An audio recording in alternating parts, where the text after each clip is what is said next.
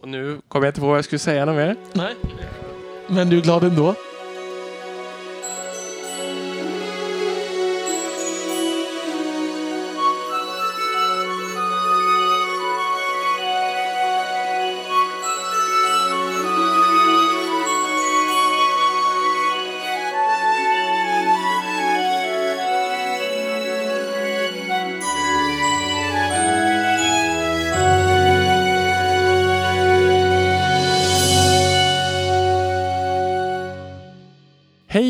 Välkomna till det 27 avsnittet av Tolkienpodden.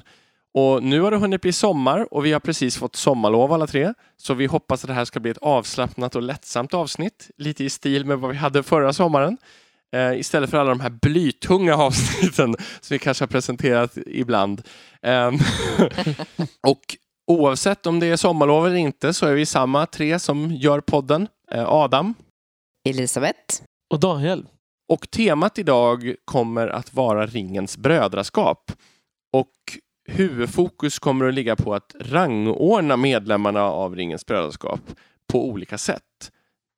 Förhoppningsvis blir det intressant och roligt att diskutera olika aspekter av dem utifrån det. Och vi tänker att det är ett ämne som vi tror att alla av er kan vara delaktiga i och eh, säkert har funderat kring. Relatera till. Precis. Eh, för att eh, ja, vi misstänker att om man lyssnar på den här podden då känner man åtminstone till Ringens brödraskap. Åtminstone vid det här laget.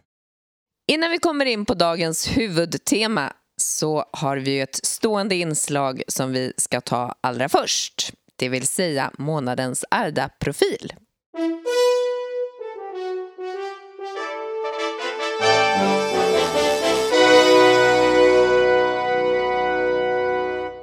Och den här gången så är det Daniels tur.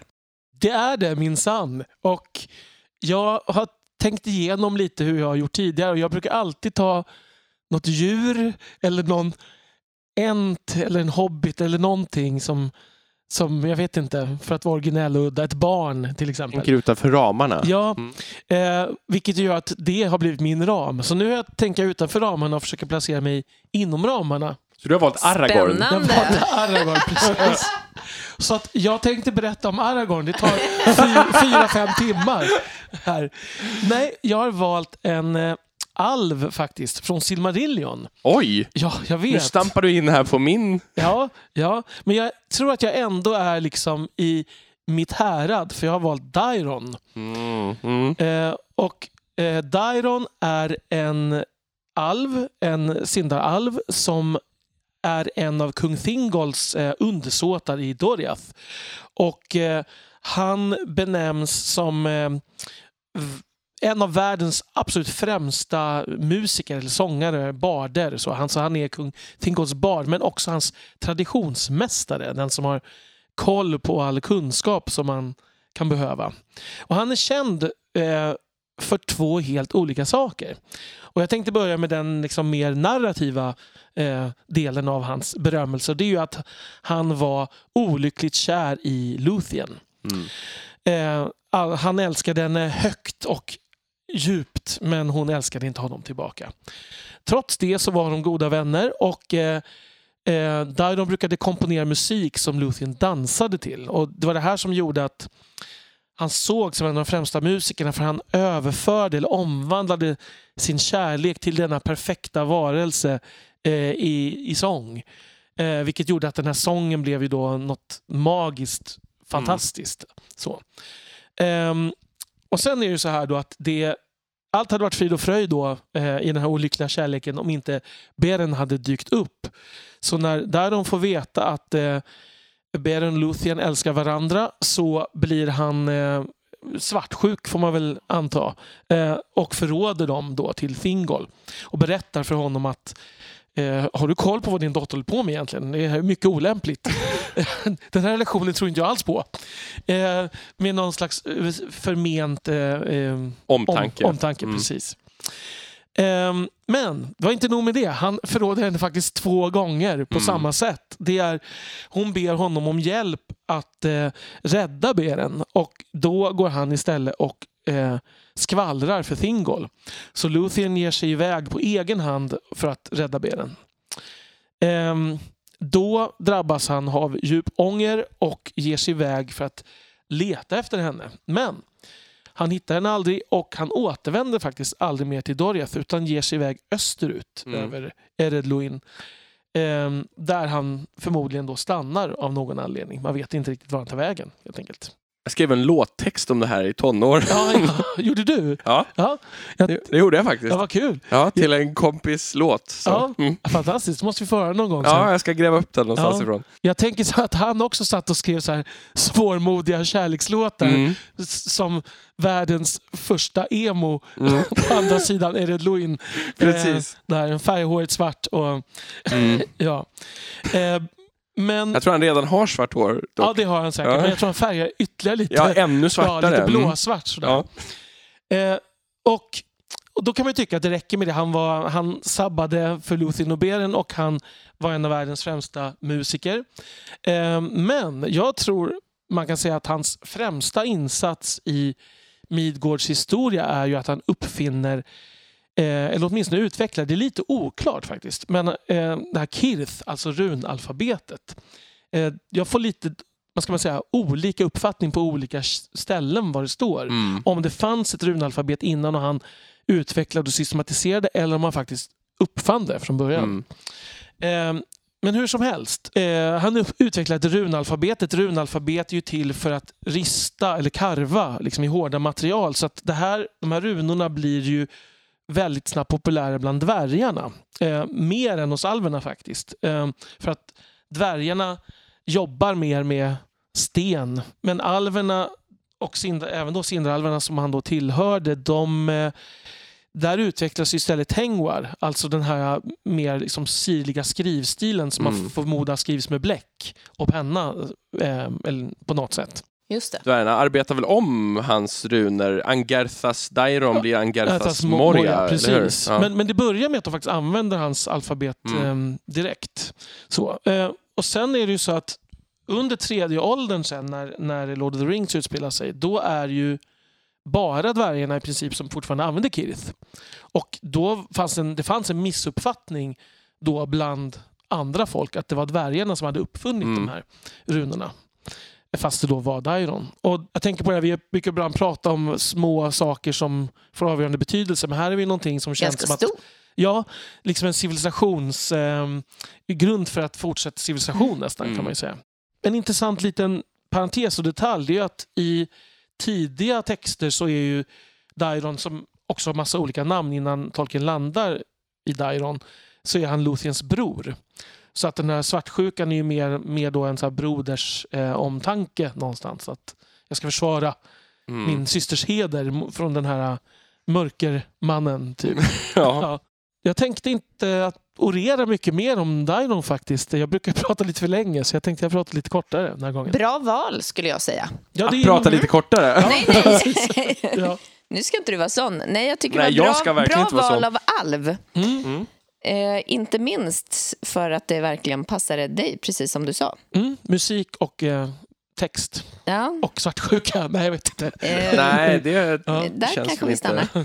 Brukar man inte ranka Dairon ofta som näst störst efter Maglor? Maglor, precis. Mm, I många Eh, såna här. Men, och där är ju, man kan ju tänka sig Tolkiens eh, tendens till att hålla på och jämföra och överdriva. Det är svårt att veta Mm. hur, hur man mäter det. Men jag tror till och med att han säger någonstans att he was only surpassed Ja. by Maglor Ja. in Jo, the men det står så. bla bla. Precis, någonting. så står det. Mm. Eh, men jag tänker att det är ju en, den här typen av leg- legendbeskrivning som Tolkien ofta ägnar sig åt.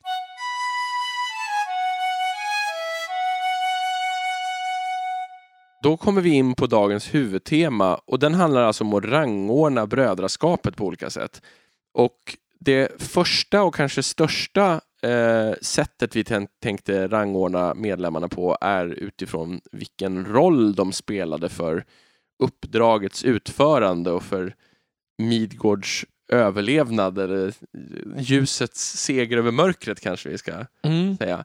Eh, och det här är ju en diskussion som har funnits länge. Eh, Tolkien själv resonerar lite grann kring det här. Så att det är nog en ganska klassisk diskussion i Tolkienistkretsar som vi plockar upp här.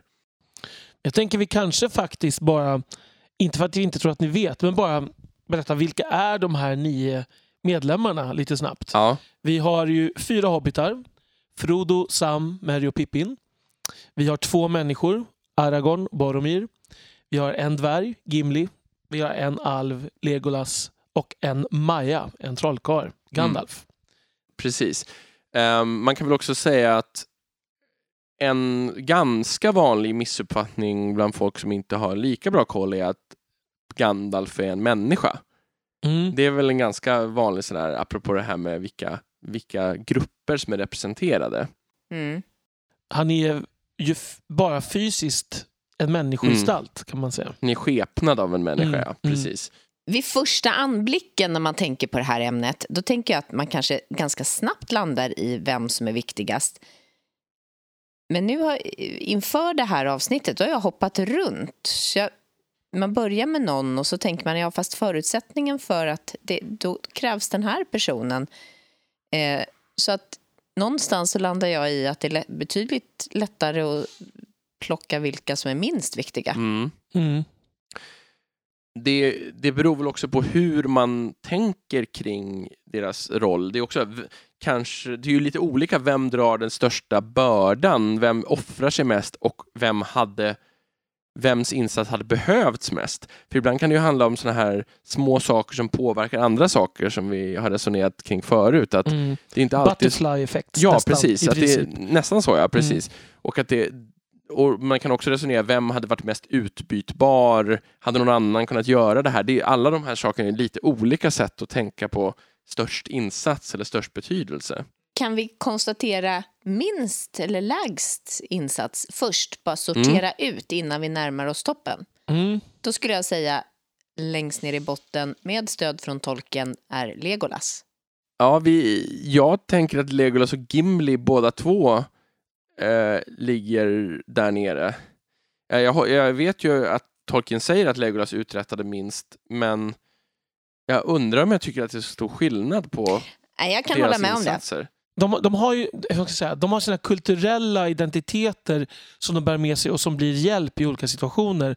Att Gimli hjälper ju till eh, i Morias gruvor får man säga. Att han är, Mm. och driver på att de ska ta den vägen ganska Mm. mycket.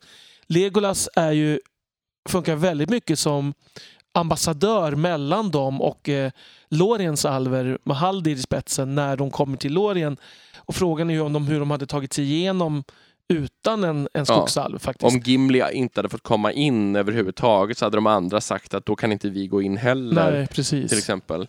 Men där skulle man också kunna argumentera för att i båda de här fallen så är de utbytbara mot andra medlemmar av sitt släkte. Mm. Alltså en annan dvärg hade antagligen också kunnat hjälpa Gandalf att hitta i Moria eller, och drivit på i den riktningen. Och en annan alv hade också kunnat utföra den här rollen. Mm. Individerna i sig är inte behövda där utan det är bara någon av deras folk. Och kanske in, ja, minst lika mycket, säger jag och tänker Glorfindel. Gimli... Det finns ju en stridssekvens där Gimli eh, dyker upp eh, och räddar eh, Aragorn och Eomer i Helms Deep. Mm. Ehm, Mm. Där det framstår som att de skulle blivit övermannade och kanske dödade om inte Gimli hade dykt upp. För de gör ett utfall eh, utanför murarna. Eh, så där spelar ju kanske Gimli en lite större roll eftersom han och Legolas men sen kan man resonera kring om Legolas, som ju är den enda Bågskytten. bågskytten Mm. i böckerna i Helm's Deep, sp- ja, spelar en mer taktiskt viktig roll. Ja, jag tänker genom hela resan faktiskt. Alltså att hans... Och jag tänker, det är ju en grej som eh, jag har tänkt på, det är ju det här att ehm, när de är i Rohan och det är faktiskt Legolas som ser på håll, vilka är det som kommer här? Vilka som, Jag tänkte ju säga eh, det, han är ju en gluttas. Han, han tittar ju, En Ja. gluttas. Ja, Ja, men mm. han, han spanar ju i alla riktningar hela tiden. Så han fyller ju någon typ av funktion, absolut. Eh, för hade det möjligt de kanske inte hade väntat, om han hade inte varit där, hade de inte, kanske inte väntat och då hade hela den plotten med Mm. Sen Rohan-berättelsen. glömmer vi en till ganska viktig grej. När, när de är vid Anduin och Legolas faktiskt sätter en pil i en av skolornas riddjur. Det vet vi inte hur den situationen hade kunnat utveckla sig om den hade fått slå ner Nej. eh, fritt. Men med detta sagt så hamnar de fortfarande längst ner. Ja, det är snarare att hur man rangordnar mellan de två Ja. som är lite svårt. Sen är det ju svårt, alltså om man tänker utifrån det du sa här Adam om att de hade gått att byta ut mot vilken annan alv och dvärg som helst. Mm. Ehm, så skulle man kanske kunna argumentera på ett liknande sätt om Mary och Pippin. Samtidigt det skulle ju aldrig kunnat bli två andra hobbitar eftersom det råkade vara de två som var Frodos närmaste vänner. Mm. Så att två andra hobbitar skulle inte ha följt med på den här resan. Men samtidigt gör de... Frågan är ju vad de gör som inte två andra hobbitar som också ger sig iväg på en sån resa hade gjort. Mm. Alltså nyckeln är ju att de är tillhör en del av hobbitarna som är mer äventyrliga. Och så lojala mot Frodo. Ja, Ja. precis. Mm. Men ska, om, om, om man rangordnar dem, jag skulle ändå säga att Pippin är viktigare än Mary. Ja, det kan nog stämma. Jag tänker att eh, alltså Mary gör ju sin stora insats när han hugger häxkungen i knävecket. Men Pippin räddar Faramir från att dö. Eh, Mm. Frågan är dock om inte... Han ändrar ju hela handlingen också med sitt klåfinger. Ja, genom liksom- att se till att Gandalf dör, Mm. menar du? Genom att droppa en sten i Moria så att hela jakten kommer igång. Ja. Ja, och, frå- och det har vi diskuterat någon gång förut. Hur hade, hade man kunnat slutföra uppdraget om Gandalf hade överlevt Moria? Det, Men och, och sen så återigen med, med Palantiren och där är han ju åter igång och bara måste Mm. göra någonting som sätter en ny sten Mm. i rullning. Ja, eh, på Jo, många det- plan. det är helt Eh. sant, men jag tycker ändå att Marys insats mot häxkungen är så central för att Mm. i, om inte Eowyn hade kunnat döda häxkungen utan det, Mm. eh, så Men vet Kanske- vi att hon inte hade det då? Det, det är svårt. Alltså, han böjer sig över henne och hon har får tid att resa sig upp och liksom samla sig och hugga. Det är inte säkert att hon hade fått göra det. Ja, I den situationen som den ser ut, om vi inte ska vara för kontrafaktiska, så tänker jag att det avgörande är att det är de två. Mm. faktiskt. Ja. Eh, men, men sen tycker jag att, sen är det lite så här, Merry hade ju klarat sig utan Pippin, tänker jag, i många tillfällen. Mm.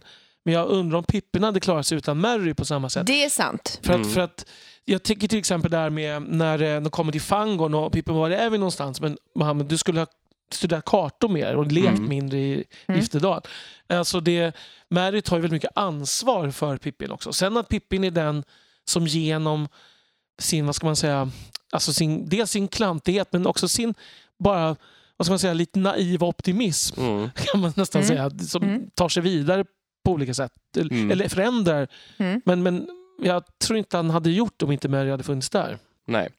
Alltså, men, men det man får väga är väl egentligen om Pippins samlade slumpinsatser överväger Marys insats mot häxkungen nästan. För jag tänker här att, att Pippin räddar Faramir avgör ju inte att handlingen går åt rätt håll. Det är en enskild insats. Faramir behövs ju inte för att efter den punkten för att Mm. det goda ska segra. Alltså, frå- nej, så frågan är ju hur kedjereaktionen, för det som han också gör är ju faktiskt att han hämtar Gandalf i ett avgörande tillfälle. Så Ja. Gandalf måste överge sin kamp med häxmästaren Mm. som då istället dödar Theoden. Som då, alltså, ja. så frågan är, å andra sidan, det kanske inte, och då hade häxmästaren inte dödats av E- eh, Eowyn kanske heller i ett sånt läge. Alltså det, Nej, men det, det, allt sånt där är ju väldigt, väldigt svårt för man får ju massa följdreaktioner på allting. mm, Men, men jag tolkar det ändå som i, alltså i Marys fall att Eowyn kanske inte hade vunnit striden om inte Mary hade sårat häxmästaren vid rätt tillfälle. För att hon är i markant underläge.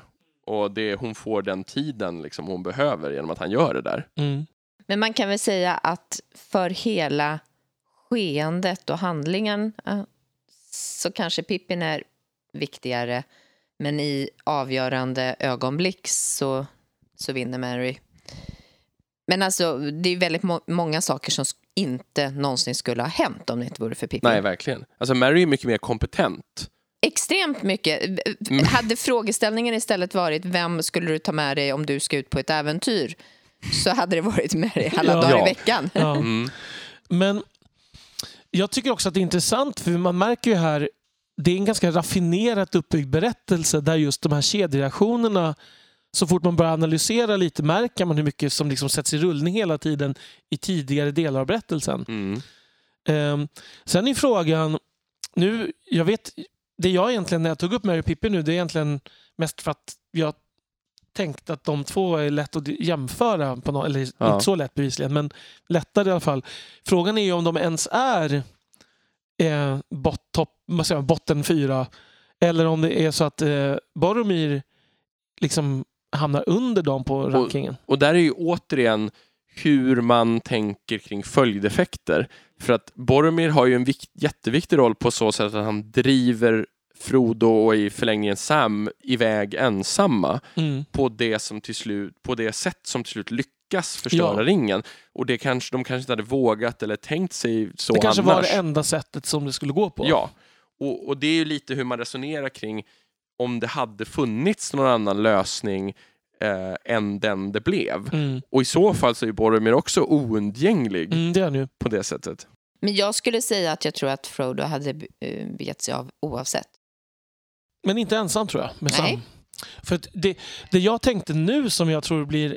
Om säg att de hade delat upp sig, vilket de ju diskuterar. Eh, Mm. jag minns inte exakt hur, men de pratar om att Gandalf ska följa med Frodo Ja. och Gimli eller Legolas. Jag kommer inte ihåg Ja. nu på något sätt. Men det jag tänkte, det är ju vad, händ, vad skulle hända med Gollum om Frodo och Sam inte var ensamma? Alltså, jag tror inte att ringen hade förstörts om någon annan hade följt med Frodo och Sam. För jag tror att man hade hanterat Gollum på ett annat sätt och Ja. därmed misslyckats. För att man kanske hade låtit Gimli då stanna kvar och bevaka Gollum eller föra med sig honom någonstans. Liksom, eh, för att de skulle kunna ge sig iväg ostörda sen då.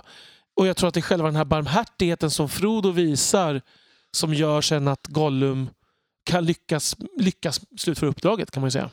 Jo, men han hade ju aldrig, Gollum hade ju aldrig fått den rollen eller den vikten i det minibrödraskapet som bildas om det hade funnits en tydligare auktoritetsfigur tillsammans med de två hobbitarna. Nej, exakt. Ehm, och, och det är ju som du säger helt centralt. Sen kan man också fråga sig, det blir en intressant följdfråga, om vi säger att de ändå hade lyckats ta sig fram till Samathnaur utan Gollum, säger vi. Mm. Eh, och säg att det är Gandalf, Frodo och Sam. Mm. Och Frodo tar ringen på samma sätt som han gör i boken. Vad hade Gandalf gjort då? Hade Gandalf klarat av Att offra Frodo. att offra Frodo för saken? Det är en bra fråga. Mm. tror jag. Jag tror i ett annat läge till och med att Sam hade kunnat göra det. Men frågan om han hade varit stark nog att göra det. Det är frågan. Stark, du menar fysiskt stark eller känslomässigt stark? Är stark nog att, att när Frodo med ringen på fingret beslutar Ja, sig för att ta Att makt. klar- nej, det, det hade han inte Nej. kunnat, det tror jag inte. Men Ja, men ja, jag förstår hur du menar, men den typen av dilemman ställer ju inte Tolkien riktigt upp. Nej. För han är inte riktigt den typen av författare. Men det, jag tror att det är ju verkligen, det hade varit det svåraste val Gandalf någonsin har gjort. Han hade kanske lyckats göra på något liknande sätt som faktiskt sker. Alltså av med fingret på något sätt. Ja, just det. Mm, ja, det kan man ju faktiskt föreställa sig. Mm. Han har skurit Eller av armen Frodo eller fingret. någonting. Eller, ja, men precis. Så Ja. tänkte jag räddar honom. Ja. Men, Mm. ja.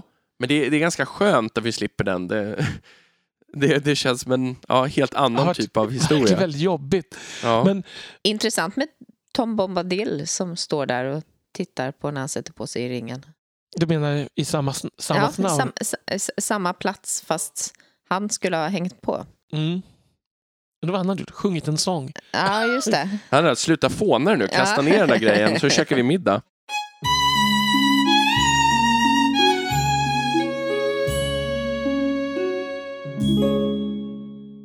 Kan man ändå landa i att de här fem vi har nämnt är den undre dryga halvan? Ja, man kan väl säga att Gimli och Legolas är bottenskiktet och sen har vi Merry, säga- Pippin och Boromir som en sorts mellanskikt. Jag skulle säga Boromir under Mary Pippin.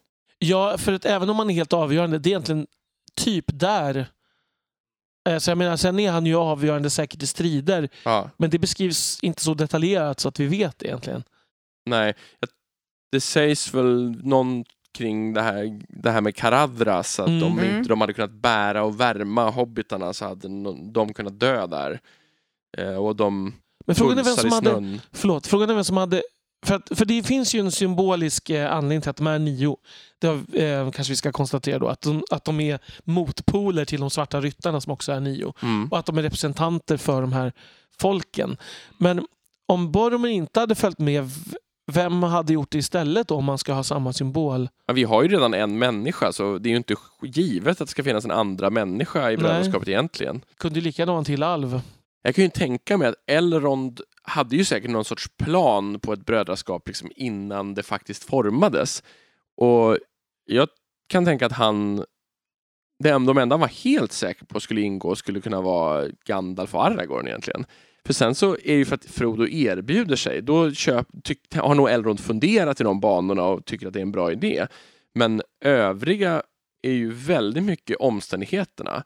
Sam Jag tror han tänker Sam ganska direkt. Ja, men det gör han nog. De kommer som ett paket. Precis, men jag menar, och Legolas är ju inte automatiskt så att han ska vara den alv som väljs. Han är ju där som sändebud, han har ingen särskild relation till Elrond. Uh, Gimli är också där som sändebud, men där är han- han den enda yngre dvärgen man har att tillgå.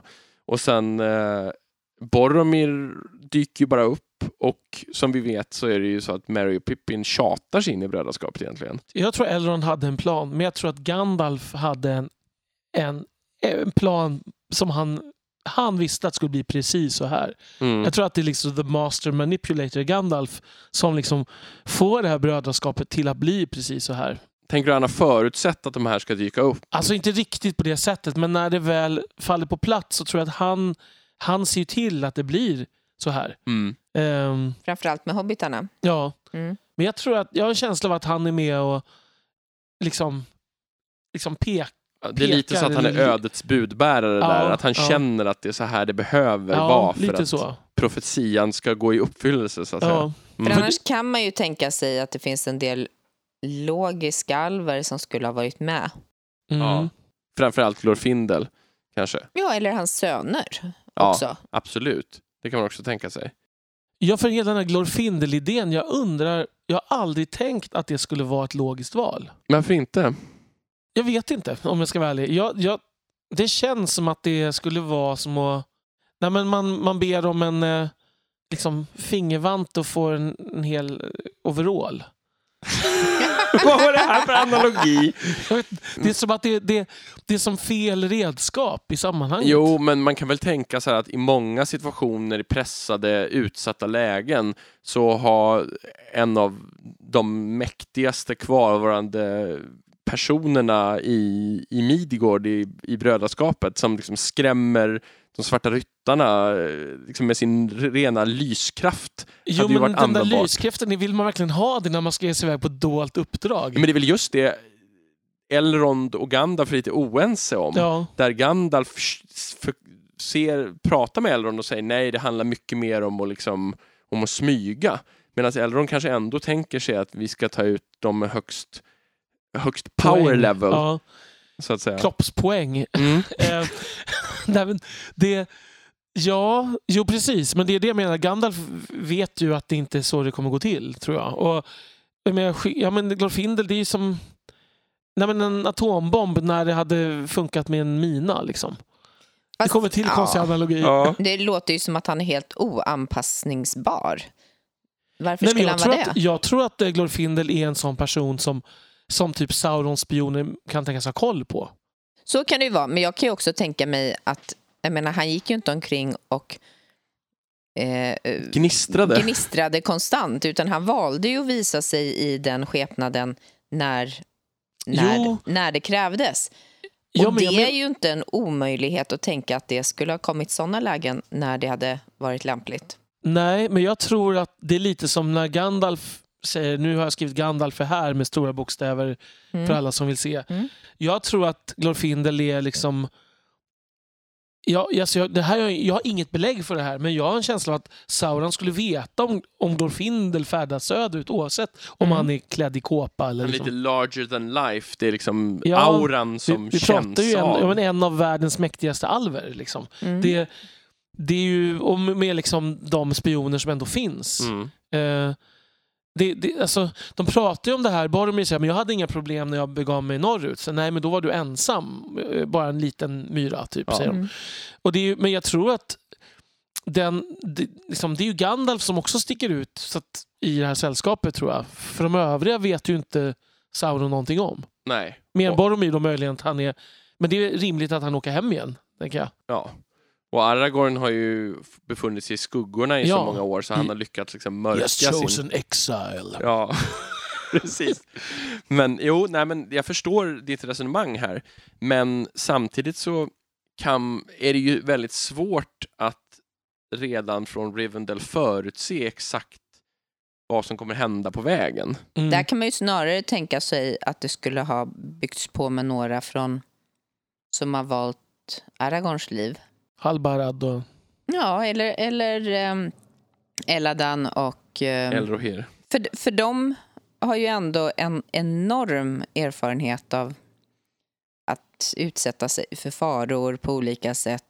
Jo, absolut. Jag, men jag får också en känsla att Glorfindel liksom är på väg bort. Att han Lite- tillhör lite- en förfluten Ja, lite Gildor. Inglorions. Liksom. Ja, mm, jag Ehm. förstår hur du menar. Ehm, Legolas tillhör den del av alverna som fortfarande är aktiva i världen. mm. På något sätt. Och vars hjärta och tanke finns kvar i Midgård. Mm. och inte börjat titta västerut.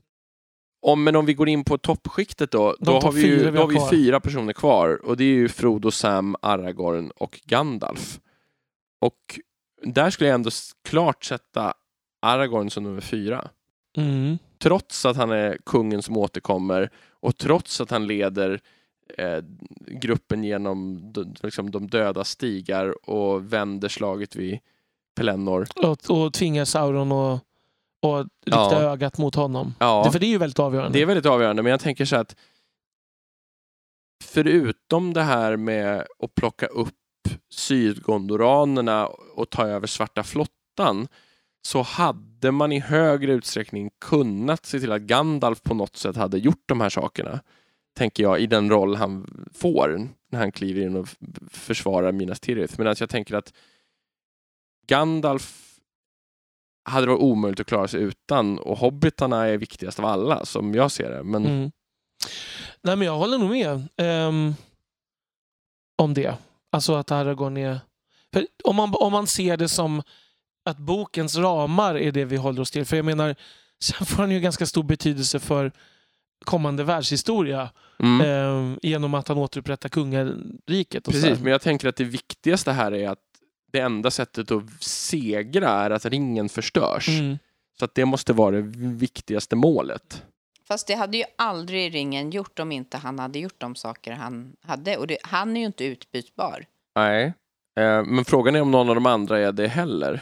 Nej, alltså det, nu har vi ju kommit till den här kvartetten som jag, sen jag började fundera på det här, har hoppat från en till nästa till den tredje till... Nej, jag tror inte han kan vara fyra heller. Jag vet inte. Men vem kan vara fyra då? Ja, Jag, jag köper rakt av att han är nummer fyra. Det är återigen, det är så många faktorer som påverkar varandra förstås. Mm.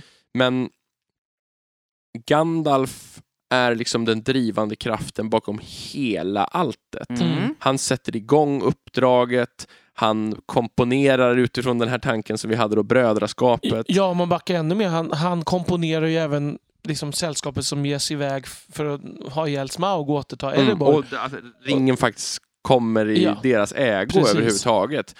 Eh, han, han, det är han som liksom förklar, han har tagit reda på sakerna bakom ringen. Han förklarar för Frodo vad han behöver göra, coachar honom in i den roll han behöver vara. Mm. Han tar dem genom Moria, han räddar dem från Balrogen, han återkommer, han, han är det enda som gör att Minas Tirith inte har fallit redan när Rohirrim kommer. Ja, det är ju även han som räddar eh, Helms...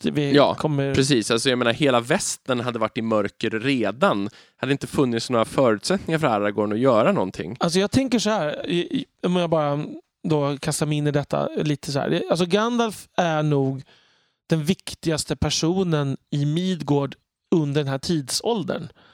Men i, Jag här- säga men, men, Ö- i, men i uppdraget kan det vara så att Frodo och Sam är viktigare fortfarande. Mm. Jo, det beror lite på vilket perspektiv man tar. Mm. Men ja, jag tycker att han är definitivt tredje ålderns viktigaste individ på den goda sidan. Varför är absolut Sam och Frodo viktigare då? För ingen annan än den duon hade kunnat förstöra ringen tror jag. Nej, jag tror ingen annan än Frodo hade lyckats ta sig så långt. Nej, med, med det han har, med de egenskaper som han har som är unika för hobbitar, Mm. tänker jag. Och med hela Gollum-medlidande delen som jag tror en annan hobbit eller en annan person som burit ringen inte hade sett. Mm. Ehm, och Sam är den enda... Som skulle kunna hjälpa honom när han till slut tar slut. Ja, Ja. Och det är svårt att hitta någon som är så lojal och trogen och, och, liksom, och lö, löser en massa situationer ändå som ingen hade kunnat säga innan uppdraget att Sam som blir utelämnad till en situation där han tror att Frodo är död, får reda på att han inte är det, får honom inspärrad i Kirith Ungolls torn och så här. Ja, men nu ska Sam lösa det här själv. Det hade nog Mm. ingen sagt i Bree, så Nej. att säga. Säg att Pi- eh, Frodo hade fått med sig Pippin eller Mary istället för Sam in i Mordor. Nej. Absolut inte Pippin i alla fall. Alltså Nej. inte en chans att han hade löst det där. Nej, jag säger nej till båda. Ja, Mm. nej men det... Ja, ni kanske har rätt. Jag tycker att den här, den, de här fyra är hopplöst svåra att rangordna. Frågan, vad hade hänt om i ett scenario där Frodo och Sam lyckas förstöra ringen men västen har fallit? När ringen... Mm. Vad händer då? Sauron går ju under, men vad, vad händer sen? Alltså Minas Tirith, kaos. ja, precis. Minas Tirith har fallit, Gondor är i ruiner, Rohan är Rohan är styrt av Saruman. Det kanske är så att Saruman hade tagit över Mm. i ett sånt scenario. Och det hade blivit ett, ett helt annat typ av skräckvälde. Den här, vä- den här förment välvilliga, Manipulatorn, ja precis, som, demagogen. som, som liksom har byråkratiska skills och kan, kan styra upp. Mm. Det är tydligt, jag tänker i fylken när de kommer tillbaka. Liksom hur, Ja. Ja, men det är ett ganska intressant scenario faktiskt. Mm, Om man tänker sig då att av något annat skäl så är, Gon- äh, är Mordor tillräckligt öppet att liksom Saruman, eller Sauron tänker att han liksom ska skicka ut fler arméer för nu är det klart, nu ska jag bara erövra allting, det finns inga fiender kvar att vara rädd för. Och sen så När lyckas de... Alexander upptäckte att han hade segrat så grät han för det fanns inga mer värde. Att, Nej men att de, hade, att de lyckas slinka Typ. igenom på det sättet. Ja. Och att de vet ju inte själva att allt är förlorat då. Nej. Liksom. Det är en... Nej, precis. Och då tänker på det sättet tänker jag ändå att Frodo och Sam är ännu mer viktiga än Aragorn. Alltså Mm. just genom att Sauron hade varit ett mer säkert, en säker väg till mörkret än ett sånt scenario där det kanske hade gått att vändas på steken till slut. Ja, jag tänker i, i en värld där Saruman styr så allt kommer inte ha fallit. Jag, tror, jag har svårt att se att både Lorien Lorien och Lyftedal och, och- precis, och Fylke och, Mm. hade ju inte fallit. Däremot hade nog Saruman förhandlat fram eh, avtal med alla Mm. de här. Någon sorts av, sätt. vapenvila och ja, så. Ja, Men då hade ju definitivt de ledande alverna sett, sett precis vad Saruman stod Mm, för. mm. Och det skulle bli en annan, kanske en situation lite som så här i andra åldern när det är lite kalla kriget över Midgård så. Delar av. Spännande. Med Mm. delat Minas Tirith i öst och väst. precis. Vad landar vi då? Till slut. Jag tror att om vi ska göra varsin lista här så, så, hade jag, så sätter jag nog ändå Frodo, Sam, Gandalf, Aragorn, Merry, Pippin, Boromir, Gimli, Legolas. Alltså min lista är exakt likadan som din. Kan Mm. jag säga. Min lista kunde ha varit exakt likadan, men jag tror att jag faktiskt ändå flyttar upp Gandalf, Gandalf ovanför hobbitarna. Mm. Ja, det beror på perspektivet tycker Mm. jag helt, helt och hållet. Eh, men ja, jag förstår absolut den också. Ja, Det enda som jag möjligen i den här listan det är ju om Legolas eller Gimli ska vara. Ja. Det, Nej, jag, de jag, kan vara att, delad åtta. Ja. jag tycker att den där insatsen i Helms Deep med Alltså om Aragorn och Eomer hade stupat där så hade det gjort en jätteskillnad och där står det i princip rakt ut att det är, det är Gimli som är räddningen i den situationen. Precis, men de är ju också ett radarpar som funkar tillsammans. Alltså de, de, de behövs nästan båda två för att de är kanske den enda alven och dvärgen som faktiskt kommer överens i de här situationerna. Mm. Eh, Så där i kanske det är så att de inte är utbytbara faktiskt. Mm. Ehm, Att de faktiskt är just de två individerna Ja. som är de enda som är öppna nog för att acceptera varandra. Det är bara att lyssna på hur Glowin låter när, när Legolas säger att de, var, de släppte Gollum av vänlighet. Och Mm. Han säger att jag visades inte den vänligheten och genast så blir det Jag dålig stämning. tänkte Haldir och Glowin istället på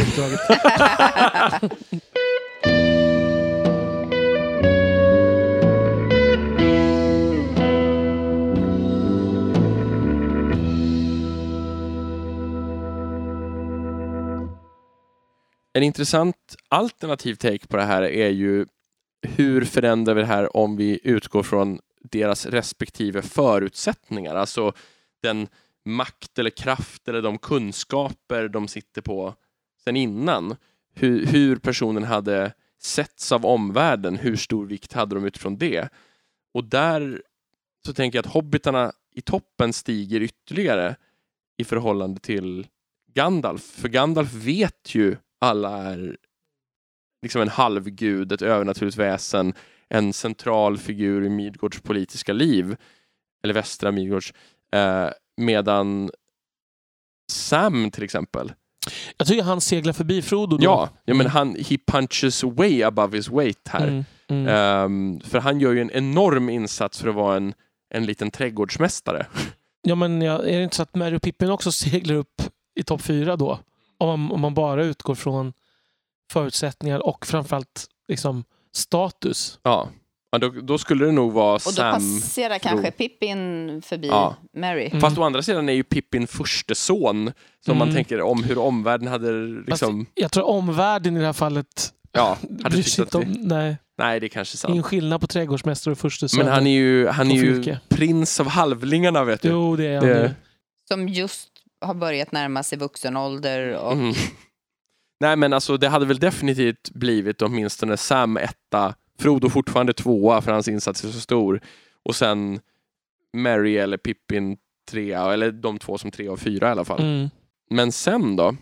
För Även nu om Legolas och Gimli då skulle ha någon slags lägre status de andra. Jag tycker fortfarande inte att det de gör gör att de skulle Nej. förflytta sig så mycket på den här listan. Och Boromir skulle ju inte heller flytta sig uppåt. Nej, snarare neråt. Ja, precis. För Ja. han, han är väl lite en så här the greatest men alive liksom. Eh, En av dem alltså, the greatest men. Som mest misslyckas, får man Mm, säga här. precis. Även uppdraget Mm. kanske vi- hänger på att han misslyckas. Så som person Ja, så misslyckas Mm. han ju väldigt fatalt med, med det han har åtagit sig att göra. precis. Ja, Han har verkligen. ju sagt att han ska skydda Mm. det här uppdraget till varje pris. Nej, men, då, då, men Aragorn och Gandalf, vem bidrar mest utifrån sina förutsättningar? Då? Fast jag skulle faktiskt då lägga in att då kanske Gimli stiger högre än Legolas med tanke på att om man nu ska titta på vad man har i bakgrunden så är Legolas arvtagare till... Skogskungadömet. Ja, Ja. ändå. Mm. Absolut. kan man tänka sig. Jo, men det är väl sant. Det, och, och sen, men sen, Och han gör ju inte bort sig. Ja, men då kanske man skulle sätta Boromir sist faktiskt i den här listan. Mm. Så Boromir sist och så Legolas och sen Gimli Mm. eh, nerifrån då. Men sen är det Sen är det då frågan hur man skulle vikta Gandalf och Aragorn mot varandra. Ganska jämnt skägg. Ja, men jag tycker nästan ändå att Gandalf hamnar över Aragorn. För att Aragorn gör ju precis det han ska göra i alla lägen. Mm. Det känns som Gandalf, han fattar snabba beslut. Liksom. Mm. Alltså han, han, jag menar, även om det är det som förväntas av en Maja, liksom, det, det är ju som att han, han i schack, han, han håller i schackpjäserna på brädet Ja, och flyttar runt Fast dem. båda de gör ju det andra i motsvarande situation har fallit. Det vill säga, Gandalf gör det Sauron misslyckas Ja, alla, andra att göra. alla andra fyra Istari misslyckas ju faktiskt. Ja, Nej, men, och även när det gäller Aragorn. Aragorn gör ju det som hans förfäder kanske inte klarade att leverera också. Så båda levererar ju faktiskt Jo, det exakt sant. det som eh, den enorma utmaning som ställs Mm. framför dem. Men det är fortfarande något med att bara själva, själva mängden av saker som Gandalf gör Ja. Mm. är så avgörande hela tiden. Liksom. Det, Jo, nej, jag håller med. Jag tycker också det. Men han hamnar fortfarande efter hobbitarna för att man kan förvänta sig så otroligt mycket mer av honom än av hobbitarna, tycker ja, jag. verkligen. Jo, men det håller jag med om. Verkligen. Och det är det som gör att jag kanske inte är helt eh, med på att han ska hamna före Aragorn. Nej, jag förstår. Tittar man bakåt i tiden för de två så är ju fortfarande Aragorn en människa.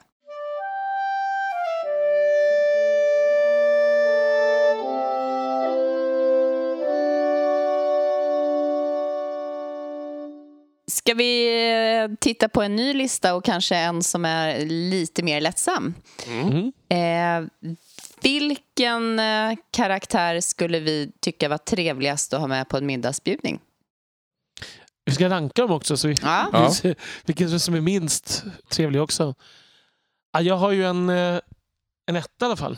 Mm, kör. Pippin. Alltså, Skulle jag, tror jag, helst sitta och snacka med över en, ett stort. Okej. Ja. mm. Det tror jag. Han Ja, det är verkar kul. ja, det är inte min etta. Nej. Jag hade ju garanterat valt Frodo, tror jag. Jag tycker att han verkar vara liksom... Ja, men han, han är inte lika snacksalig som Pippin, men han, han är liksom kanske lite mer intellektuellt. Lite mer Intressant. substans i Mm. det som Ja. sägs. Mm. Mm. Ja, det beror lite på vilken typ av middag man vill ha. Mm. Såklart. Ja. Jag tänker, jag, jag tror inte att jag skulle vara så här superintresserad av att ha Legolas med. Så han tror jag hamnar någonstans i botten. Ja, för mig handlar nog... Alltså, jag tror Boromir hamnar sist. Ja, jag tror Boromir skulle vara Mm. rätt otrevlig. Ja. Ja, ja Eh, precis. Han skulle säga så här, kallar du det här stek? Mm. Ja, precis. Det är inte vad som serveras i min fars hallar. Ja, kallar du det här carpaccio? Precis. ja, Ja, Det är den sämsta tiramisu jag har ätit sedan Osgiliath föll. ja. Fast då vill jag också, alltså, och jag älskar ju Gandalf, men ja, inte säker på hans sociala sådär... Nej. eh, Bara, Har du mer vin? Skulle han bara kläcka ur sig. Ja, men Ja. precis. Mm. Eller var så här tjurig och Ja. så här dålig stämning. Och, Vresig. ja. Mm. Men jag tror att jag skulle... Jag skulle nog sätta Pippin, Mary, Frodo. Skulle, tror jag. Jag skulle, Eh, Gimli kanske sen. ja, Sam får komma lite längre ner. Gimli är ju betydligt allvarligare ska vi komma ihåg i böckerna. Absolut. Eh, så han är, det är ju inte samma person alls eh, som i filmen. Alltså det är ju inte så att jag påtalar det för er utan för man ska komma ihåg det när man lyssnar på listan tänker jag. Jag tror att jag skulle sätta Aragorn eh, tidigare än eh, Gimli. Ja, Eh, jag också. jag tror att jag skulle ha... Ja, men jag skulle nog också sätta Pippin överst, bara av ren lätta upp stämningen. Eh, och sen så Sam har vi inte nämnt alls. Frodo, nej han kommer långt ner. Eh, jag tänker Pippin, Frodo, Aragorn, Merry, tror jag är min topp. Alltså man vill ju gärna ha både Pippin och Mary med på samma middag. Ja. Ändå. Alltså jag tror att de, Det blir även om det nu ja. har lite färg av filmerna tror jag, men jag tror ändå att de är ett underhållande par. Liksom. Mm. Alltså de, jag känner att de kan liksom berä, berätta historier tillsammans som liksom Mm. Mm. bara lockar fram skratt ur ett sällskap. Men jag kan tänka att Pippin kanske är den här som gör att grannarna kommer ner och ringer på dörren. precis. det, är så här, det tror jag inte Mary är på samma sätt. Nej. Eh, Det fast- skulle vara ganska roligt att få sitta och lyssna på Aragorns berättelser om åren. Mm, åren i vildmarken. Ja, mm, eller åren när han... tjänade kung Thengel eller Ja, när men han, precis. ja. Vänta, vad, vad kallar han sig då? Han kallar sig Thorongil. Just det. Såna, såna berättelser skulle vara intressant att få sitta och lyssna till. Mm. Mm, jo, Mm. absolut. Frågan är om han skulle berätta dem. Alltså, det, är det, tveksamt, Ja. men det är då vi har Pippin med som Ja, först som lättar upp. Och, Mm. ja. alltså, anledningen till att jag sätter Gimli ganska högt är att jag får intrycket i de här Sagor från Midgård-berättelserna när de sitter och pratar. De pratar väl i Isengård, tror jag. Mm. Ehm, eller är det i Minas? Jag kommer inte ihåg. Men i alla fall där, där hobbiterna får berätta och, och alltså, de pratar med varandra. Det- Jag får en känsla jag, av att Gimli bondar ju fint med hobbitarna. Ja, liksom. det är han. Så därför jag tänker att han är lite öppnare än, liksom, än några av de andra. Och Legolas är ju väldigt pretentiös, som nästan alla alver. Mm. Så han är ju lite jobbig. Ja, exakt. Men frågan är som sagt var man placerar Sam. Jag, det, det känns som att vi andas ett enormt klassförakt här. Men Mm, men jag tänker så här att. Sam skulle ju passa in väldigt mycket bättre på vissa middagar än andra, mm. kan man säga. Men jag håller ju med om det här med Frodo. Men grejen är att jag har en känsla av att Frodo, det beror på vilken Frodo vi pratar om, vi- vilken ålder. För Frodo, när han kommer hem i alla fall, har jag en känsla av att han sitter mest tyst på tillställningen. Ja, nej, det... Nej, Fro- det skulle faktiskt vara tyvärr Frodo innan han ger sig iväg. Mm. Efteråt så är, är han ju en sån här som verkligen drar ner stämningen för att han mår så dåligt och alla ser det, tror jag. Mm. Ja, att han, eller att han, han är som en krigsveteran som Will, you, will you excuse me? säger han och så går han från bordet. ja, gråter på toaletten. Och bredvid sitter Gandalf och är vresig. Ja, precis. Fast efter uppdraget så tror jag Gandalf är mindre vresig. Ja, det är sant. Då är han bara De mild. går, de går varsitt håll de där två. Vi har väl landat i någorlunda konsensus där också, tänker jag. Ja, Det skulle vara jättetrevligt att ha dem på middag. ja, verkligen. Mm. Men den som man helst skulle vilja ha på middag, det är ju någon annan. Det är Bilbo. Skulle jag Ja, säga. jag visste du skulle Ja. säga ja, det. men det är självklart. Ja. För han har liksom både det intellektuella och det humoristiska. Bilbo känns som att ha Evert Taube på middag Ja, ungefär. ja. Precis. Ja. Ja, men om man ska fortsätta med det här spåret på film, filmerna så skulle ju Gimli förändras väldigt mycket.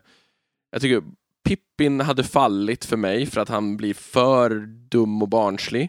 Och Gimli kan inte befinna sig i möblerade rum i Mm. filmerna. Pratar du middagsbjudning nu eller pratar du... Middagsbjudning. Ja. Ja. Ja, Gimli hade fallit.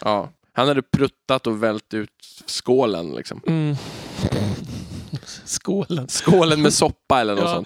sånt. Med lösgodis. Ja. ja, lika Ehm, illa. Alltså Sam hade ju stigit på den Mm. listan. Mm. Ja. Ehm, Och Mary.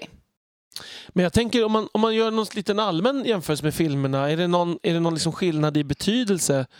Jag tycker att alltså Frodo blir mer viljelös, inte riktigt helt, men ändå i filmerna. Mm.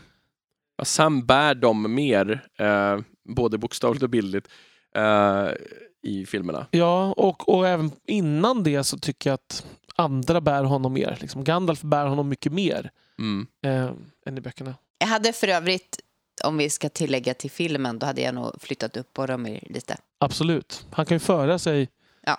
på ett rimligt sätt i filmen, känns det som. Ja. Inte bara vara vresig och barsk. Nej, nej, han är faktiskt mer otrevlig i böckerna Mm. än vad han är i filmerna. Eh, och han känns också... Man förstår honom mer. De har ju försökt mer att förklara familjerelationen ingående och hans roll och sådär. Och han så här, busar med hobbitarna. Och, Mm. ja, nej, men det finns helt andra prestigelösa delar i honom som kanske inte levereras i boken på samma vis. En sån, en sån ganska vanlig klassisk är väl också så här, vem är mäktigast i strid? Vem är, vi fick en fråga liknande i gamla lyssnarfrågeavsnittet, vem skulle vinna mellan Aragorn och Boromir? Man skulle ju kunna rangordna vem, vem är liksom den största krigaren och hur förhåller de sig till varandra? Och där skulle jag sätta Gandalf först Ja. igen, för att han har helt andra saker att Han tillgå är än en de andra. arsenal av, av Mm. makt. Men då skulle jag, jag håller med med Gandalf, men då skulle man ju också tänka så här, plocka bort alla namngivna eh, vapen Ja, och låt dem ha samma anonyma verkligen. saker att ta till. Ja. Och då skulle Gandalf Fortfarande, vinna. fortfarande vinna med hästlängder. Och jag tror Aragorn skulle vara tydlig två ändå. Ja, Mm. Och Boromir, tydlig trea. Ja, det stämmer nog. Det, det kanske inte alla hade tänkt, men jag håller nog med dig att jag tror Mm. det. Eh, sen är det ju svårt att avgöra. Jag tror att kanske, om, om vi tar Elisabeths förutsättning, skulle vi nog kanske sätta Gimli före Legolas. Mm. Men det kanske inte Tolkien hade hållit med om. För han värderar ju alverna väldigt högt när det gäller makt och strid och sådär. Ja, det beror på vilken typ av strid man tänker nu får jag så här. här... Är det, är det envig eller? jag får associationer till hungerspelen och tänker, det beror ju på vad som finns inne på arenan. På arenan, ja. Nej, Men om vi tänker att det inte finns något avståndsvapen så känns det som att Mm. Legolas är klart förminskad. Ja, precis. Men, men eh, är Men- det verkligen rättvist att han inte skulle ha något avståndsvapen? Men precis. Nej, men det beror ju på vad vi sätter för förutsättningar. men det verkar orimligt Det är att, som att, ge, att inte Katniss får Mm. ja, det är ju en som att båge. Gimli inte skulle få ett närstridsvapen. Eller liksom, Mm. Alltså, ja. Vem skulle vara bäst? Ja. Legolas med en yxa eller Gimli med en pilbåge? Jag tror Legolas med en yxa. Ja, Kanske, men, men dvärgarna är ju, skjuter ju båge i The Hobbit Mm. i alla fall. Men är frågan är säkert- om det är eh, om Gimli har gjort det. Det framgår inte. Nej. Däremot tror jag att Legolas ändå hanterar väl någon form av Ja, närstridsvapen. jo, jo, säkert. Ja. Det, och jag tror att, alltså om man ska gå på Silmarillion och Tolkiens kommentarer där så är alverna faktiskt mäktigare än dvärgarna i snitt, skulle man säga. Mm. Um, sen kommer ju, i verkliga världen så hade ju räckvidden varit ett sto- en stor nackdel för Gimli. Eh, det, det där tas ju aldrig upp med fantasy-dvärgar, Nej. men att vara kortare, alltså det, det realistiska hade varit att dvärgar hade stridit med pikar eh, egentligen, för att kompensera för sin korta längd. Mm. En- Och en- apropå kort längd så kan vi konstatera att hobbitarna har här ingenting i nej, de är ju diskussionen att göra. De är Men mellan hobbitarna då? Mary ganska Mary klar etta. etta.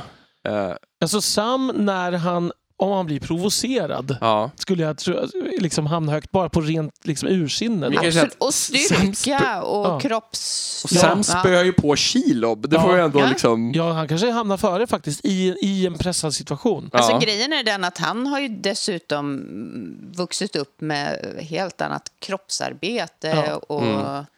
ja, jag tror på, jag tror på Sam. Men det är också frågan, är det ett slagsmål i, i liksom utan förberedelse eller ett envig? Jag tror ändå att liksom Mary, Ja, i alla fall framförallt på slutet så är han liksom en krigare med hobbit-mått mätt verkligen. Mm. Och de pratar om liksom jämförelse med band och Brastook och sådär. Mm.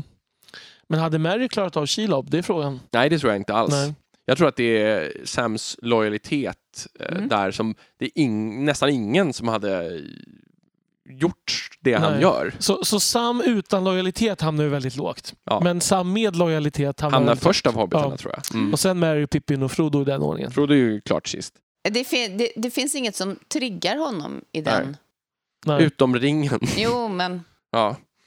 Men sen så är han ju också Tolkien avfärdade det här att Frodo blir pacifist, men lite så, lite sådana vibbar får man ju också att han har till och med tidigare är han ju väldigt vänd, är ju inte den som vänder sig till våldet som Nej. lösning.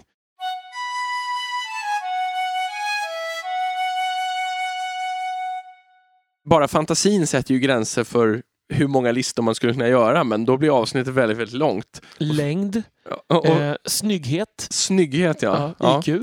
Och det, är det boken eller filmen då? Ja, det är ju frågan. Mm. Och då, för Aragorn placeras ju väldigt olika då. Ehm,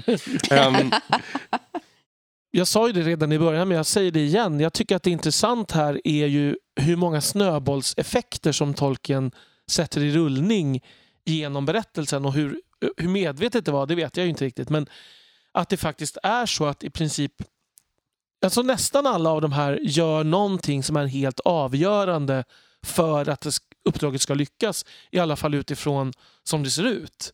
Eh, och att det är jättesvårt att bara, om man plockar bort en händelse så, så, så förändras hela spelreglerna sen. Och, och vad som händer då blir väldigt svårt att förutse. Men eh, det, det betyder att det här att Gandalf hade ju rätt tror jag när han liksom plockade ihop det här laget. mm. Eh, att det behövdes vara de här, de här personerna. Det behövdes vara representanter från de här folkslagen också för att det skulle Mm. funka.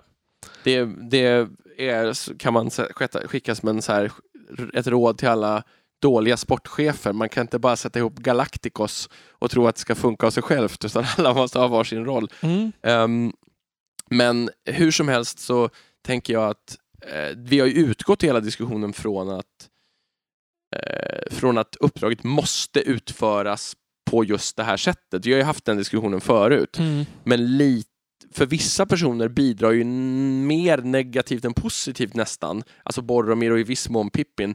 Men de, deras negativa insatser leder till någonting som blir en förutsättning för att den här versionen av uppdraget ska gå i hamn. Eller gå i lås. Så, så det där är ju lite hur mycket man tänker sig att man kan vara kontrafaktisk. Sen tror jag så här med, med Gandalf, han hade nog inte sett på Pippins klanterier som misslyckande tror jag. Alltså, eh, alltså, även om han kunde bli vresig mot dem så tror jag att han var väldigt noga med Pippin att, att ta inte det här så hårt. Pippin. När du, alltså, han kommer ju där och avlöser honom när han tvingar honom att sitta vakt till exempel. När han blir arg på honom. Han om någon visste ju också hur Pippin var och övertygade att han skulle med. Ja, och där kan vi verkligen tala om en, en utvecklingskurva som heter duga. Så Pippin är väl den som, och Sam kanske. Sam är ännu högre utvecklingskurva än Pippin Ja, fast, tycker jag. fast Sam definierar sig genom hela berättelsen utifrån sin lojalitet. Det är ingenting han gör i slutet som han inte också skulle göra i början av berättelsen. Nej. Utifrån de premisserna. Nej, det beror lite på vad man menar kanske. Ja. Pippin utvecklas mer som person, Ja, det det, det jag håller jag med menar. om. Ja. Ja. Mm. Eh, alltså, jag tänker en traditionell utveckling, Mm. dramaturgisk utveckling. Så, så ju, tycker jag att Pippin är den som utvecklas mest. Och med det så sätter vi punkt för det inslaget eh, och avslutar med en lyssnarfråga Mm. som har legat eh, i några månader faktiskt. Vi har, fått, vi har fått några lyssnarfrågor så vi har en liten backlog här. Så vi, vi börjar med den äldsta vi har. Henrik frågade då om vi tror att det finns någon parallell mellan eh, Narnia och Arda för båda de fantasyvärldarna skapades genom sång och han frågar också om vi tror att det är en sorts kristen symbolik.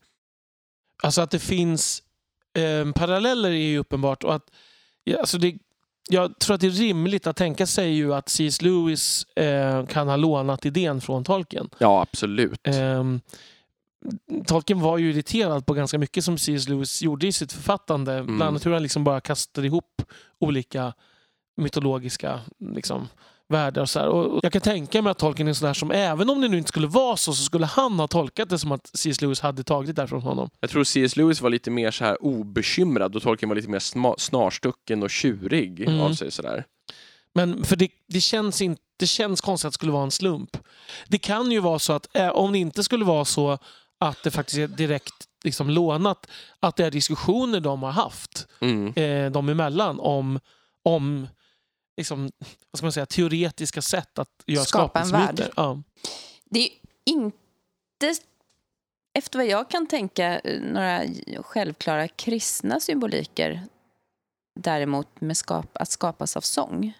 För Nej. det var en del av frågan, va? Ja, det var en del av Ja. frågan. Nej, alltså det ser inte jag heller. Det som många har associerat till olika Tolkien-författare är ju det som kallas för sfärernas musik eller liksom det universellas musik. Och det är ju ett klassiskt grekiskt koncept som handlar om att världsalltets eh, banor, kanske framförallt eh, planeterna och stjärnorna och jorden och Ja, det som man trodde var världsalltet Ja, då helt precis. enkelt. Mm. Eh, att det är styrt av en sorts musik, att det är som danssteg i, i något stort. Och man, man har liksom jämfört det här fun- fungerandet hos världsalltet, att allting går ihop och att det är någon sorts musikalisk eh, tanke där.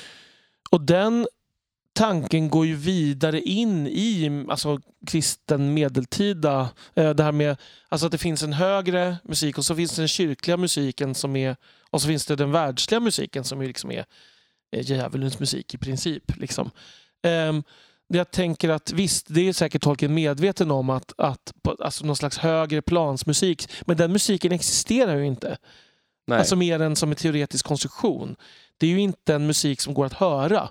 Utan Nej. det är någon slags musik vi förnimmer genom andlighet på något sätt. Att, eh, för, det, är inte liksom en, det handlar inte om några speciella toner eller så här, utan det handlar också om hur musiken hänger ihop med matematiken i princip. Eh, ja, så även om jag visst, här finns ju någonting som Tolkien kanske har koll på, eller som han hade koll på och, och tar med, men det är fortfarande ganska långt ifrån hans skapelseberättelse tycker Ja. jag. Nej, jag håller med. Och det finns ju lite någon, någon eh, som berättelse från ursprungsbefolkningen i Nordamerika med gudar som skapar världen med sång. Men jag tror inte att det, har, att det är något Tolkien har plockat upp faktiskt. Nej. Det, jag- jag tycker att det är ganska originellt för han väver ju in många kristna koncept i, i en skapelse som på många sätt inte känns så kristen. Mm. Ja, han, han väver ju in som säga, syndafallet i, i berättelsen genom Melkors dissonanser. Kan man säga. Alltså att, eh, och, och det är ju originellt och det är ju intressant för, för också vad, vad gör det med... Alltså man skapar först världen eh, och sen blir den ju till efter Mm. det. Eh, och vad gör det med fri vilja och sådana saker? Ja, det finns ju en sorts blueprint. Ja, Men det verkar också som att Valar inte riktigt förstår vägen framåt. Mm. De måste ju hela tiden själva fundera över hur ska vi agera? Nu ska Vi- vi skapa det vi har sett. Precis, vi har redan Mm. sett ramverket men hur Mm. kommer vi till den Mm. punkten? Mm. men det är också ett otroligt smart sätt att lösa hela teodicéproblemet. Verkligen. För att för, den här, för er som inte vet, det är ju det här, hur, om, om Gud är allsmäktig, eh, varför finns det då ondska? Liksom, kan man säga, Mm. alltså, om, Mm. om inte Gud är ond. Men om Gud inte är allsmäktig, hur kan han då vara Gud? ja. Eh, och det här har vi ju precis att ja, men Gud låter sina änglaväsen på något sätt sjunga fram den här världen och där finns en som står för det onda i Mm. princip. Och det är ju väldigt smart sätt att komma runt det. För det betyder att, fast frågan är vad det gör med, med Guds makt. Men det är som att han... Men han, då väljer han ju att inte vara allsmäktig. Nej, han väljer ju att låta deras fria vilja Ja. på något sätt styra hur världen blir. Och han låter det gå före att stoppa ondskan. ja. Så allt lidande är ju ändå Ero eller Ilovatar har ju han ändå tillåtit på men något det plan. har, Och men det det, har, finns väl en viss koppling till kristendomen där? Jo. Hela Ja. den Ja. tankegången tycker jag, det, den ligger betydligt närmare än själva skapelseprocessen. ja, absolut. Men det, och det gör honom ju inte till en despot. Liksom. Nej. Utan, och det är väl ju Valars fria vilja blir en symbol för människornas fria vilja Mm. så småningom. Sen.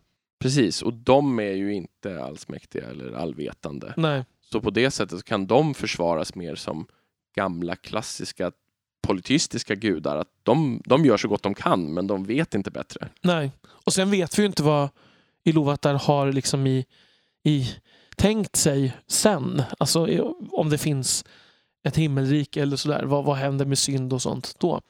Ja, med, med de orden så avslutar vi nog avsnittet och går iväg och äter middag. Mm. Det ska bli gott. Vi hoppas att gott. ni har fått semester, de, våra lyssnare, när det här avsnittet kommer ut. Och att ni kan lyssna på det här i lugn och ro i hängmattan och att det är fint väder ute. Som vanligt så får ni hemskt gärna höra av er till oss. Det går att mejla på Tolkienpodden gmail.com. eller så går man in och tittar lite på vår Facebook-sida och skriver direkt in eh, någon fråga eller två. Det tycker vi är supertrevligt. Ha en bra sommar. Hej då! Hej då!